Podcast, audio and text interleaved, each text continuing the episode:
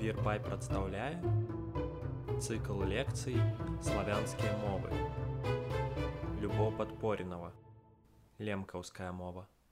Фільм Павла Паўлікоўскага халодная вайна, які за апошнія некалькі месяцаў здабыў неверагодную колькасць узнагарод на рознага кшталту фестывалях і быў намінаваны на Оскар для гледачоў у Польшчы, ва ўкраіне, у Славакіі, мае яшчэ адзін элемент яшчэ адзін код які не так лёгка расчытаць калі мы не ведаем хто такія русіны хто такія лемкі і як складаўся іх лёс. Справа ў тым што там на самом пачатку фільму калі галоўны герой ездзіць па на той момант яшчэ невядомай гледачу вясковай тэрыторыі і збірае фальклор пэўны момант у яго кіроўца пытаецца а на якой гэта мове спяваюць гэтыя бабулі ему адказваюць па-лемкаўску. Шкада гэта не наша. І самы фінал фінал гэтага фільму таксама адбываецца у зруйнаванай царкве нетыповай для асноўнай тэрыторыі польшчы архітэктуры і гэта рэальная царква которая знаходзіцца у вёсцы князі у тамашоўскім павеце люблінскага воеводства на самай мяжы з украінай што ж гэта за такая царква чаму менавіта яна? Чаму менавіта яна была зруйнаваная і знаходзіцца ў такім стане да сённяшняга дня?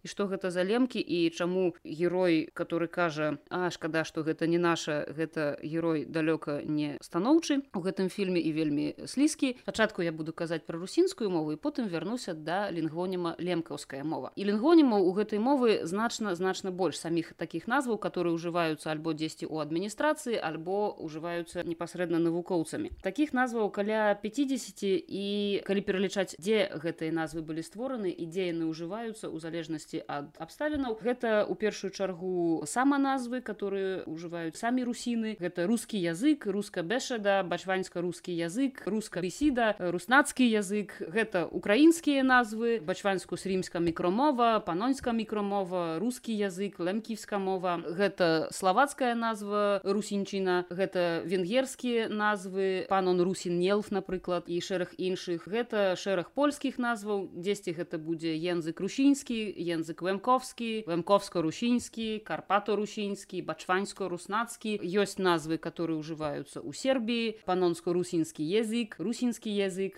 У харвацкай напрыклад гэта будзе істочно-русінскі язык. У рускай мове у рускай тэрміналогіі таксама функцыянуюць назвы южна-русінскі язык воеводзінска-русінскі язык русінскія языкі югаслава-русінскі язык. Пра што сведчыць такая колькасць назваў іх разнастайнасць у першую чаргу як можна было пачуць па прыметніках которые ўжываюцца ў гэтых назвах гэта сведчыць пра тое што мова функцыянуе на вельмі вельмі розных тэрыторыях. У прыватнасці такія назвы як напрыклад бачваньска-срымская мікрамова альбо ваяводзінска-русінская мова альбо панонска-русінская мова і гэтак далей яны актуальны для такога рэалу як тэрыторыя сербіі а канкрэтна аўтаномнага краю ваяводзіны мясцовасцяў бачка і срэм который знаходзіцца ў сербіі. На ўсходзе харваты гэта славонія на ўсходзе і на поўначы венгры у славакіі а таксама на такой тэрыторыі которая гістарычна яшчэ выводзіць сваю назву ад рымскай правінцыі правінцыі ў паноніі для нас у дадзеным выпадку тэрыторыі гэта заходняя венгрыя паўднёва-заходняя славакія паўночная харвата і паўночна-ўсходняя сербія туды яшчэ ўваходзілі канешне часткова сённяшняя босния герцагавіна славенія Аўстрыя але там русінскай мовы не назіраецца адразу варта сказаць что русінская мова якая залічаецца да ўсходнеславянскіх апынулася на гэтых тэрыторыях не самым натуральным чынам. Гэта не мова карэннага насельніцтва гэтых тэрыторый яна была туды перанесеная. У сувязі сувязі з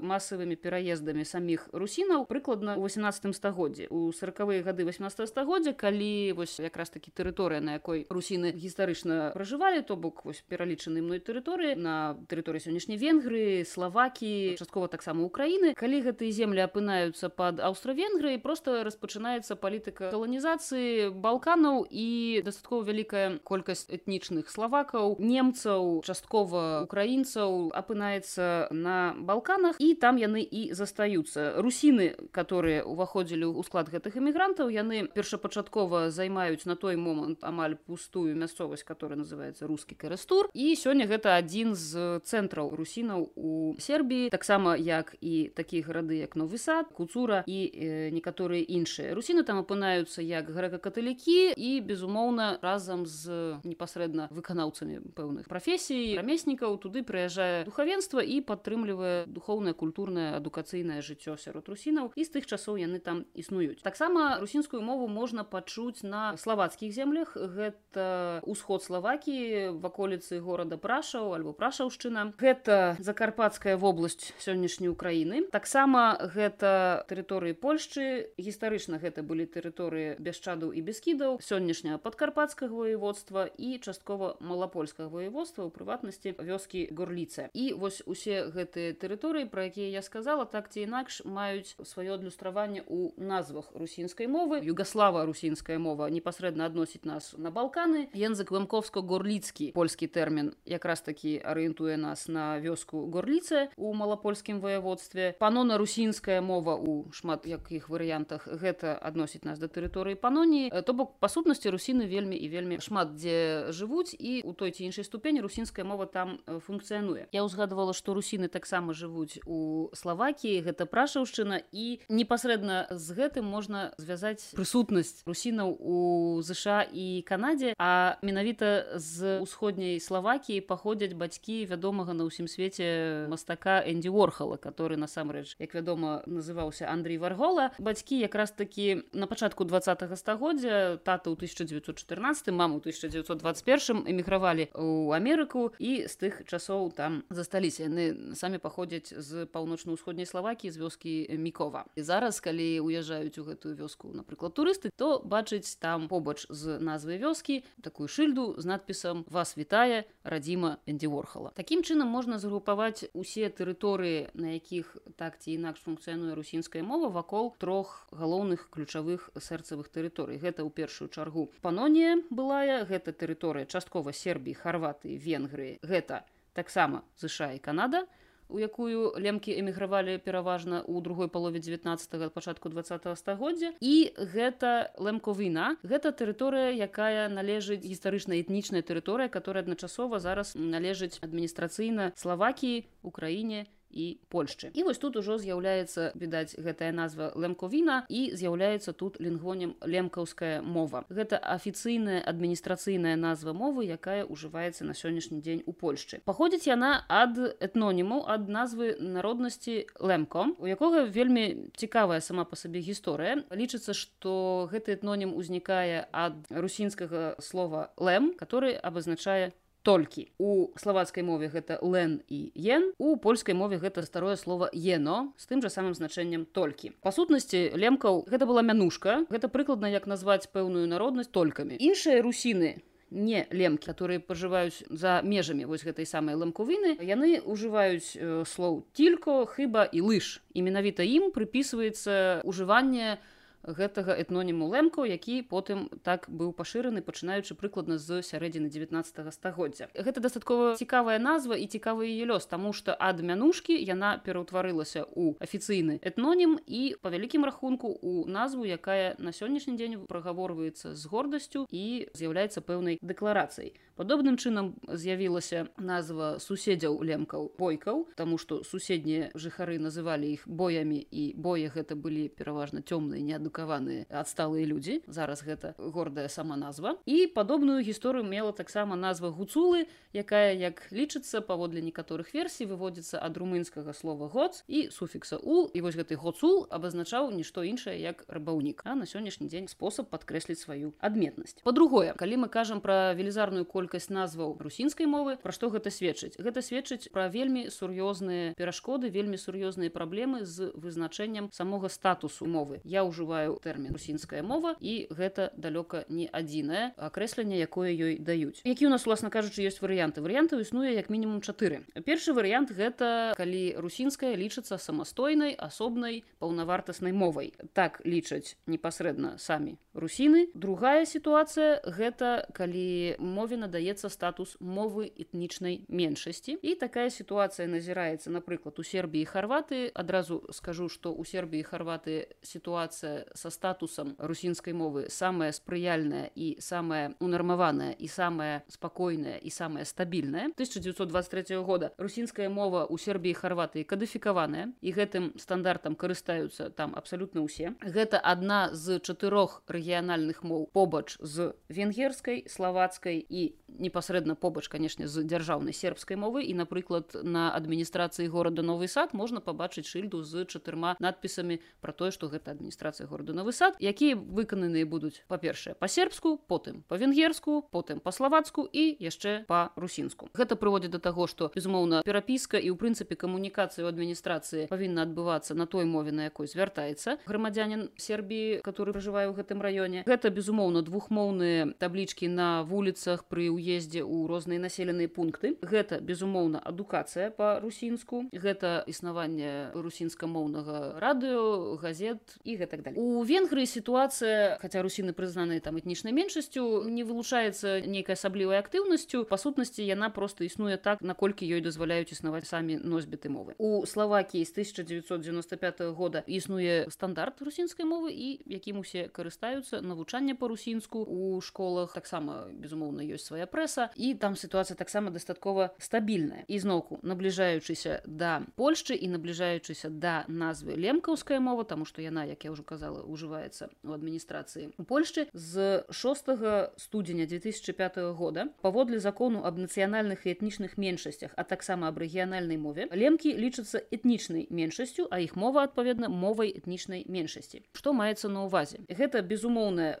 права на тое каб мець свае сродкі масавай інфармацыі каб мець доступ да навучання на мове этнічнай меншасці. З пэўнага моманту у польшчы можна здаваць выпускныя іспыты ў школе адным з якіх будзе іспыт па лемкаўскай мове. Гэта безумоўна выкарыстанне і прычым вельмі актыўнае выкарыстанне лемкаўскай мовы у грэка-каталіцкай царкве наколькі яна прадстаўленая ў польшчы. І нават ужо на працягу дастаткова доўгага часу а менавіта з 2000 2001 навучальнага году гэта магчымасць вывучаць лемкаўскую мову у вышэйшых навучальных установах. Канкрэтна у адной вышэйшай навучальнай установе гэта педагагічны універсітэт у кракаве які мае спецыялізацыю руская філалогія і дадатковая там ёсць спецыяльнасць русінска-лемкаўская мова. І філалогія там вядуцца сур'ёзныя даследаванні лемкаўскай літаратуры і ажыццяўляюцца розныя даследчыя праекты пра якія я скажу пазней варта таксама сказаць чаму лемкі маюць у польшчы статус этнічнай меншасці якія павінны быць для гэтага крытэры. Каб лепей зразумець усю сітуацыю і з мовай і самімі яе носьбітамі варта да гэтых крытэраў звярнуцца. Па-першае безумоўна для того каб быць этнічнай меншасцю колькасна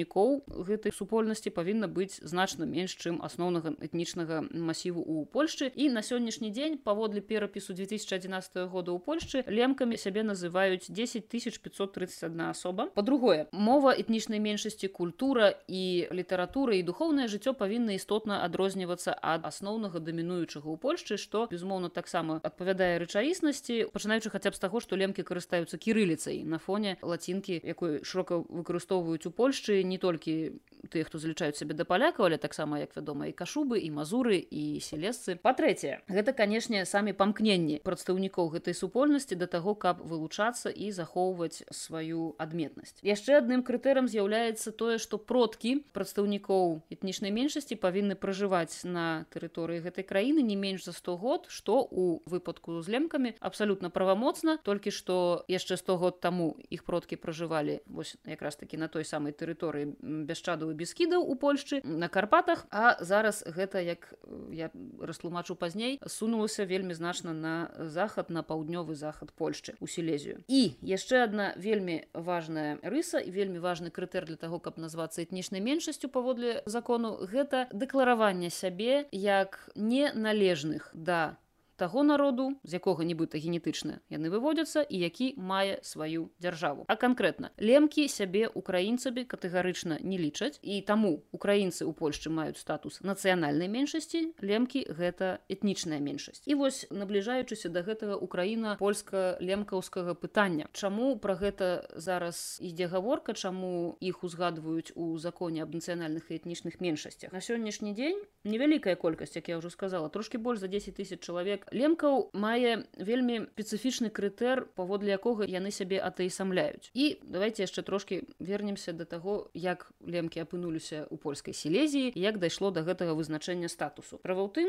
что у самім па сабе каралеўстве польскім гэтыя тэрыторыі былі прыкладна з 14 стагоддзя. Тэрыторыя якую я называла вось бескіды бесчады карпаты і сённяшняя частка закарпатскай вобласці на ўкраіне гэтыя тэрыторыі у польскае каралеўства уваходзілі ўжо з 14 стагоддзя. Дагэтуль яны належалі кіеўскай русі галіцкаму галіцка-валынскаму княству. У 14 стагоддзе яны трапляюць у склад польскага каралеўства. Да гэтага часу яны былі амаль не заселеныя прыкладна у першай палове 15 стагоддзя пачынаецца засяленне гэтых тэрыторый змешваецца неверагодная колькасць этнасаў там ёсць румынскія карані там ёсць усходнеславянскія карані. Ну усходнеславянскія там пераважаюць. У канцы 18 стагоддзя ўжо пасля першага падзелу рэчы паспалітай гэтыя землі апынаюцца ў складзе аўстра-венгрыі і да самага 1918 году. Яны там знаходзяцца. У 18 годзе гэта становіцца часткай польшчы. І гэтая тэрыторыя памежная на сённяшні дзень паміж польшчай і украінай падчас другой сусветнай вайны становіцца адной з самых крывавых і самых спустошаных. Права ў тым што акрамя таго што туды прынесла нямецкая акупацыя вельмі актыўныя дзеянні вяліся як з боку украінскай паўстанцкай арміі так і з боку польскага войска ўжо падчас вызвалення у 43 44 і 45 годах сумна вядомая на ўсім свеце валынская разня гэта якраз таки адна з праяваў гэтага супрацьстаяння. Што лічыцца на сённяшні дзень асноўнай прычынай яшчэ большай трагедыі якая адбылася пасля 1945 года а менавіта. У 1945 годзе насельнікі гэтай тэрыторыі па сутнасці закарпацця гвалтам былі пераселеныя у глыб Украіны на украінскія стэпы а ў 1947 годзе наступае яшчэ адзін этап і гэта масавае гвалтоўнае перасяленне насельнікаў гэтых тэрыторый у глыб Польшчы. Прычым у глыб я маю на увазе і великкапольшчу то бок гэта ваколіцы познані і вармінска-мазурская на сённяшні дзень ваяводства гэта ваколіцы ольштына і польскае памор'е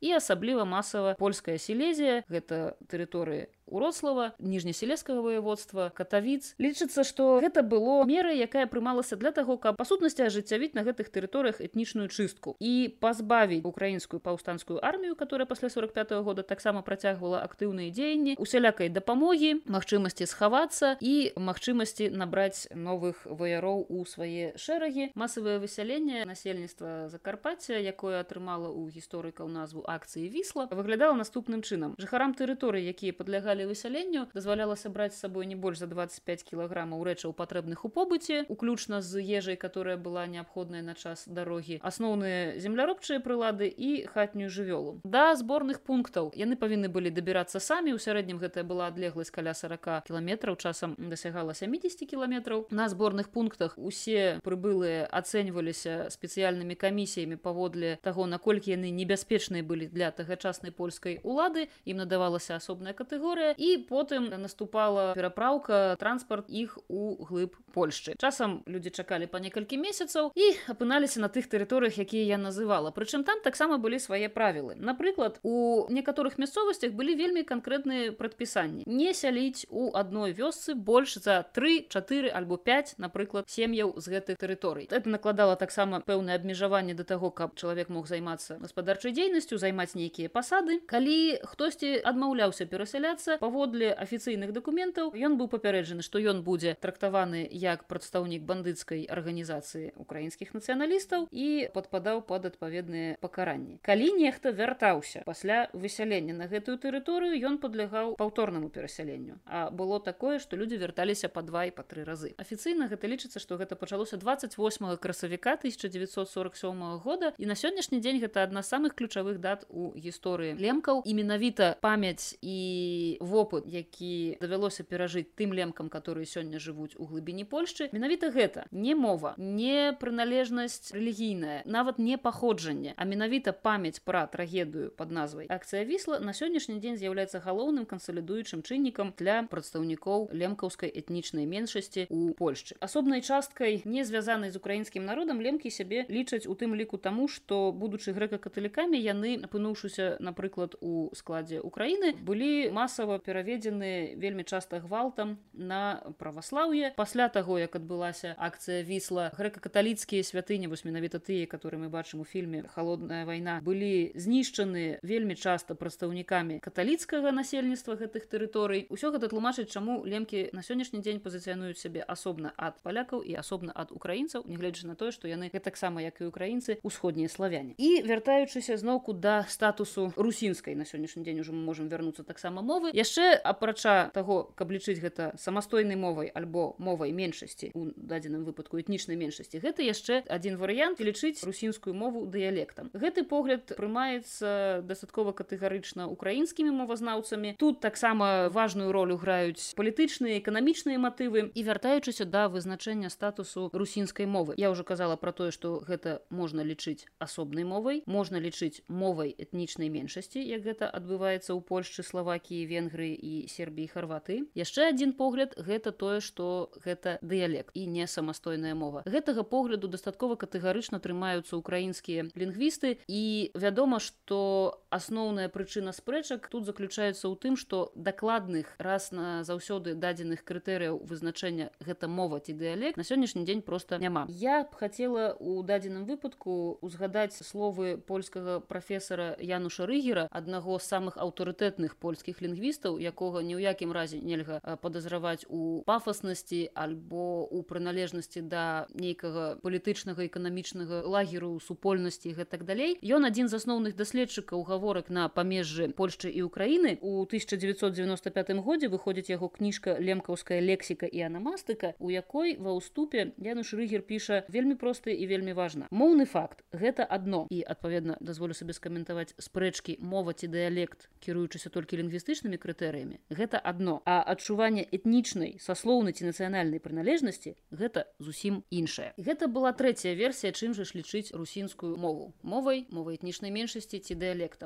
і яшчэ адзін выключна лінгвістычны погляд на тое чым з'яўляецца русінская мова быў выказаны і дыхтоўна абгрунтаваны ў свой час даследчыкам які сёння з'яўляецца выкладчыкам тартускага універсітэту ў эстоніі александром дмитриевичам дулічэнкам які дарэчы сваю доктарскую дысертацыю 1980 годзе абараняў у мінску. Гэта канцэпцыя славянскіх мікрамоў да якіх у прыватнасці александр дуліченко залічае русінскую мову у тым выглядзе у якім яна функцыянуе на тэрыторыі сённяшніх сербій і харваты як можна ацэньваць что такое славянская мікрамова яна базуецца на дыялектах ці на перыферыйных гаворках пэўнага моўнага масіву альбо на астраўным дыялекце то бок астраўны дыялект атрымліваецца гэта якраз таки русінская мова у сербіі харваты дзе яна знаходзіцца у атачэнні не самых блізкароднасных моў дакладна сербскай і харвацкай альбо на перыферыі як гэта адбываецца з яшчэ адной разнавіднасцю русінскай мовы гэта карпата русінская мова менавіта у тым выглядзе якім яна функцыянуе ва ўкраіне у закарпатскай вобласць таму што нагадваю што лемкаўская гэта тэрмін который ўжываецца толькі ў польшчы. По-другое славянская мікрамова мае сваё пісьменства і пісьмовыя практыкі. Безумоўна у залежнасці ад абставінаў гэта могуць быць вялікія корпусы тэкстаў альбо могуць быць невялікія творы альбо нават просто элементы у пэўных тэкстах. У большай ці меншай ступені славянская мікрамова будзе нарматывізаваная і кадыфікаваная і як я ўжо казала з першай паловы два стагоддзя русінскай мове на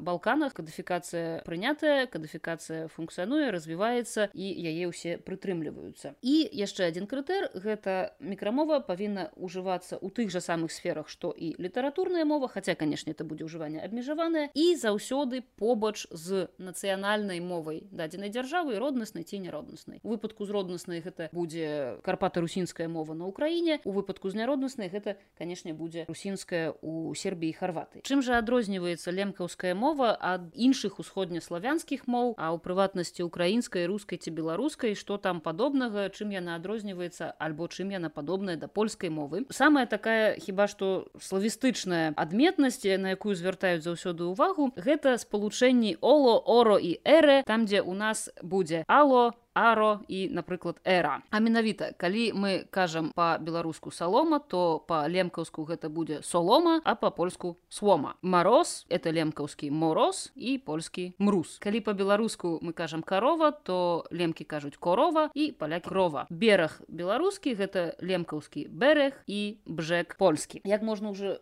было пачуць у слове берег у лемкаўскай мове будзе фрыкатыўнае такое роднае нам г у прыватнасці ў словах голас а па лемкаўску гэта будзе голос голод і напрыклад у сярэдзіне слова гэта будзе тогды тогды нават. Лепш таму што у лемкаўскай мове у тым выглядзе у якім яна функцыянуе на сваёй спрадвечнай тэрыторыі фіксаваны націск які падае наперад апошні склад падобна да польскай мовы. І напрыклад будзе сціна голова і дрэва вельмі спецыфічна хаця для палякаў абсалютна зразумела і блізка вымаўляюцца мяккія сю зю і цю яны вымаўляюцца як па-польску вельмі мякка щ ж і чу і будзе лемкаўскае щіно гэта наша сена і польскае сяно жыле наше зелле і польскае зеле і вельмі цікавай адметнасцю якую можна пачуць калі напрыклад мы чуем як хтосьці размаўляе па лемкаўску альбо калі мы слухаем лемкаўскае радыё пра якое таксама яшчэ скажу гэта перастаноўка у такіх складах як ры і лы гукаў так што атрымліваецца ыр і ыл напрыклад наша крыніца беларуская і напрыклад украінская гэта лемкаўская кырніца беларускае слово дровы альбо напрыклад напрыклад больш блізкае слово дрывотня по лемкаўску гэта дырва блыха былха і напрыклад сляза гэта сылза хотя безумоўна канешне чым бліжэй да арэалу распаўсюджання украінскай мовы там магчымыя канешне такія больш украінскія варыянты. Лемкаўская лексіка яна можа быць вельмі прыцягальнай і цікавай для носьбітаў славянскіх і ў прыватнасці ўсходнеславянскіх моў таму што чытанне лемкаўскага тэксту у пэўны момант можа ператварыцца ў адгадванне загадак. Напрыклад что такое лемкаўскі выгляд. Гэта акно у хаце якая як дарэчы сама будзе называцца хыжа. Комін як і ў беларускай як і ў польскай мове гэта дымаход. Дахівка. Дахівкай можна пакрыць дах і гэта будзе руская черепіца і напрыклад польская дахувка і беларуская дахоўка. Слова лемкаўская студня беларусам зразумела без перакладаў. Обрус без перакладу зразумелы палякам а беларусам дастаткова просто сказаць абрус і ўсё стане на сваё месца падобна да польскага слова кшак который абазначае куст па-лемкаўску гэта будзе кряк пляц і ў беларускай і ў польскай мове гэта плошча пляц ровер тое на чым можна ездзіць паўсюль дзе нельга ездзіць на машыне пывніца гэта безумоўна падобна да польскай півніцы гэта падвал топір гэта сякера альбо сякера лемкаўская руханка гэта элемент здаровага ладу жыцця і нішто іншае як спорт. Ад дзеяслова вядомага ў беларускай мове як рухацца альбо у польскай мове рушачще у кожнай гаспадыні ёсць жылыско якое нішто іншае як польскае жалязко альбо беларускі прас. І падобнае паводле сваёй унутранай формы слова палюнка будзе абазначаць гарэлку польскае слово гожаўка лемкаўская граматыка. Будзе цікавая і тым хто з польскай мовай незнаёмы і з тым як там утвараюцца формы дзеясловаў і тым хто з гэтай тэндэнцыі знаёмы таму што у формах дзеясловаў будучага і мінулага часу у лемкаўскай мовы ёсць прыкметы якія нас адсылаюць і да польскай і да напрыклад украінскай ці беларускай мовы. А менавіта калі мы ўтвараем складаны будучы час ад нейкага лемкаўскага дзеяслова мы безумоўна карыстаем карыстаемся дапаможным дзеясловам у форме буду будзеш будзе будеме будзеце і будут але тут выглядае так. По-польску мы можемм сказаць я буду пісаць і сказаць я бэнда пісаў альбо калі гэта кажа пра сябе жанчына я бэнда пісала па-лемкаўску гэта таксама магчыма але толькі у адзіночным ліку. То бок я буду пысал і буду пысала ты будешь пысал і будешь пысала ён будзе пысал яна будзе пісала яно будзе пісало і вось гэта л тут застаецца падобна да польскай мовы. У множным ліку такога ўжо не адбываецца як у польскай калі мы адрозніваем ці у групу выканаўцаў дзеяння ўваходзяць мужчыны ці не. У ленкаўскай мове ўсё будзе утварацца з выкарыстаннем інфінітыву. А менавіта будеме пысаты будете пісати і будуть писати. Ніяких Л тут не з'яўляецца. Што адбываецца ў мінулым часе. Калі мы з вами зазірнём у граматыку лемкаўскай мовы, якая, дарэчы, была выдадзеная ў 2002 годзе ў катавіцах, а катавіцы як нельга больш знаходзяцца ў сілезіі і не дзіўна, што на той тэрыторыі, на якую перасялялі лемкаў менавіта граматыка і з'яўляецца, дык вось там будзе ўказана, што з аднаго боку можна ўтвараць мінулы час, ужываючы асабовы займеннік я ты ён яна і гэтак далей і просто форму на л то бок можна сказаць я пысал і я пысала ты пысал ты пысала і гэтак далей мы пысалы і гэтак далей. Альбо і гэта нават сустракаецца часцей раяць асабовы займеннік падобна да польскай мовы не ўжываць замест гэтага пасля формы на лу дзеяслова ужываць спрошчаную трошку зрэдукаваную форму дзеяслова быць у цяперашнім часе і тады гэта становіцца вельмі падобным да польскай. І атрымліваецца пысал ем і пысала ем которая пераўтвараецца ў пысалам як польская пісаўем і пісаўам у форме я адпаведна пысал ес і пысала пысалас гэта адпаведнікі польскага ты пісаўеш і ты пісаўаш у множным ліку адрознення на мужчынскія жаночыя формы няма падобна як у польскай мове затое можна з такім жа самым поспехам выкарыстоўваць вось гэтыя самыя формы дзе слова быць пысалы сме і пысалы сте гэта адпаведна мы пысалы сме і вы пысалысты ну а яны оны пысалы шмат чаго пагражае. Прагнозы наконт лёсу і развіцця лемкаўскай мовы рабіць дастаткова цяжка. Нягледзячы на тое што юнеска ўсёй русінскай мове надала статус уразлівай мовы гэта шчыра кажучы пераносіць гэты статус на лемкаўскую гэта будзе вельмі няправільна. Таму што уразлівая мова гэта ўсё ж таки не мова ў небяспецы і шмат аптымізму у дадзеным выпадку надае стабільная і спрыяльная сітуацыя у якой апынулася русінская мова на на балканах пра што я ўжо узгадвала калі казаць пра лемкаўскую мову і пра яе стан у сённяшняй польшчы ўсё не настолькі аптымістычна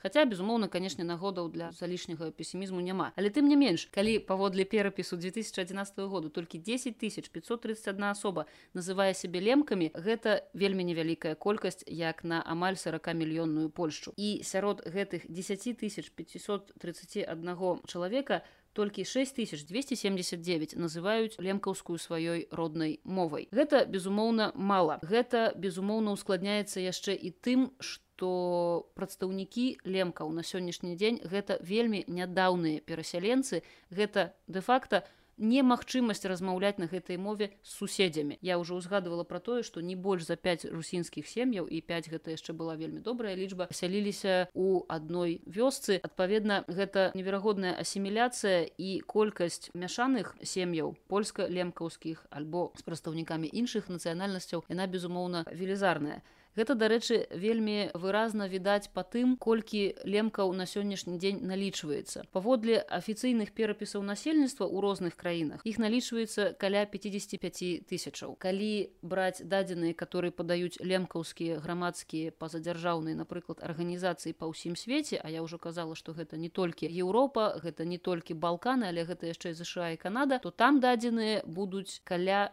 полутора мільёнаў што безумоўна прымушае ставіць гэтыя лічбы пад сумнеў і зноў такі я казала про тое что для вялікай колькасці русінаў іх канкрэтнай часткі лемкаў кансалідуючым чыннікам з'яўляецца вопыт акцыі вісла для іншых гэтыя крытэры вельмі часта вельмі размытыя таму падлікі тут вельмі і вельмі няпростыя але тым не менш статус мовы этнічнай меншасці які нададзены лемкаўскай мове ў польшчы ўсё ж таки дае пэўныя магчымасці якімі лемкі актыўна карыстаюцца нават нягледзячы на сваю невялікую колькасць. Бадай самое важное што можна сказаць пра актыўнасць лемкаў у Польшчы гэта фестываль лэмківска ватра якая адбываецца ажно з 1982 году у ждыні. Гэта невялікая мясцовасць у Польшчы раёне карпат. Яна адбываецца там з 1982 году і заўсёды гэта тры дні напрыканцы ліпеня. Ватра гэта па лемкаўску вогнішча. Існуе такі неафіцыйны дэвіз гэтага фестывалю на які прыязджаюць прадстаўнікі музычных супол археолог прыязджаюць якраз такі лемкі і русіны шырэй з усіх краін у якіх яны жывуць там рэгулярна бываюць украінскія русіны сербскія харвацкія там прыязджаюць русіны ЗША і канады безумоўна польскія славацкія венгерскія там прыязджаюць музыкі граюць не толькі фальклор але і лемкаўскі рок і лемкаўскую папулярную музыку лемкаўскі джаз. Адзін з дарэчы з самых яскравых прадстаўнікоў лемкаўскай музыкі гэта ігар хэрбут который у польшчы заснаваў гурт лэм он sånn, то бок па сутнасці не слова лемон а толькі лем-он якое якраз такі сімвалізуе вось гэта рэвіталізацыю аднаўлення і адраджэння лемкаўскай культуры. Туды прыязджаюць таксама безумоўна прадстаўнікі традыцыйных русінскіх рамёстваў. Ёсць асобная праграма для дзяцей. І лозунгам неафіцыйным гэтага фестывалю з'яўляецца тое што ватра альбо вогнішча павінна быць распаленая ў ліпені аднаго году і гарэць да ліпеня наступнага году. І вось такім чынам ажыццяўляецца пераемнасць традыцыі паміж лемкамі з усяго свету. Абсалютна афіцыйна у польшчы існуе лемкаўскае радыё радыёлемко кропка пл першую чаргу гэта канечне трансляцыі лемкаўскай і украінскай і таксама часткова польскай музыкі. Вялікая колькасць інтэрнэт-парталаў у прыватнасці лэмколенд дзе можна навучыцца чытаць па-лемкаўску. Вельмі прыязная прылада для дзяцей которые хочуць навучыцца чытаць альбо паслухаць казку на дабранач безумоўна лемкаўская мова прысутнічае на указальніках вуліц у польскім падкарпаці на указальніках пры ўездзе у населеныя пункты. Ёсць лемкаўская перыёдыка і гэтак далей. Таким чынам можна сказаць что вельмі важно для того каб лемкаўская культура і лемкаўская мова развіваліся кадыфікаваліся і прымаліся ўсё большай колькасцю лемкаў у польшчы вельмі важную ролю для гэтага граюць даследаванні которые праводзяцца на ўзроўні вышэйшай школы у польшчы у прыватнасці як я ўжо узгадвала кракаўскім педагагічным універсітэце даследуецца лемкаўская літаратура а таксама на базе варшаўскага універсітэта і таксама універсітэту ў кракаве педагагічнага універсітэту ў кракаве ажыццяўляюцца рэалізуюцца гранты якія займаюцца непасрэдна мовамі якія знаходзяцца под пагрозай вымірання што безумоўна толькі на карысць самім лемкам і лемкаўскай мове. Напрыканцы я думаю варта сказаць што на фоне іншых моў этнічных меншасцяў альбо рэгіянальных моў у польшчы лемкаўскую вылучае вялікая ўвага да таго каб ствараць пэўныя навучальныя матэрыялы альбо забаўляльныя праграмы парталы для менавіта лемкаўскіх дзяцей. І тут мне здаецца вельмі да месца будуць словы пётра муранкі аднаго на сённяшні дзень самых актыўных лемкаўскіх літаратараў царкоўных і грамадскіх дзеячоў які таксама з'яўляецца журналістам які нядаўна звярнуўся да лемкаўскіх дзяцей вось такімі словамі. Я неаднойчы услухоўваўся як размаўляюць паміж сабой горы бескіды якія здавён падпіраюць неба на нашай айчыне. Мне здавалася што я навучыўся разумець шум дрэваў і струменяў і я быў шчаслівы. Такія цуды могуць здарыцца і з вами дзеці. Толькі трэба моцна вельмі моцна любіць сваю зямлю. І яшчэ адно. Абавязкова навучыцеся лемкаўскаму алфавіту нашай багатай і прыгожай мове інакш вас проста не зразумеюць нашыя горы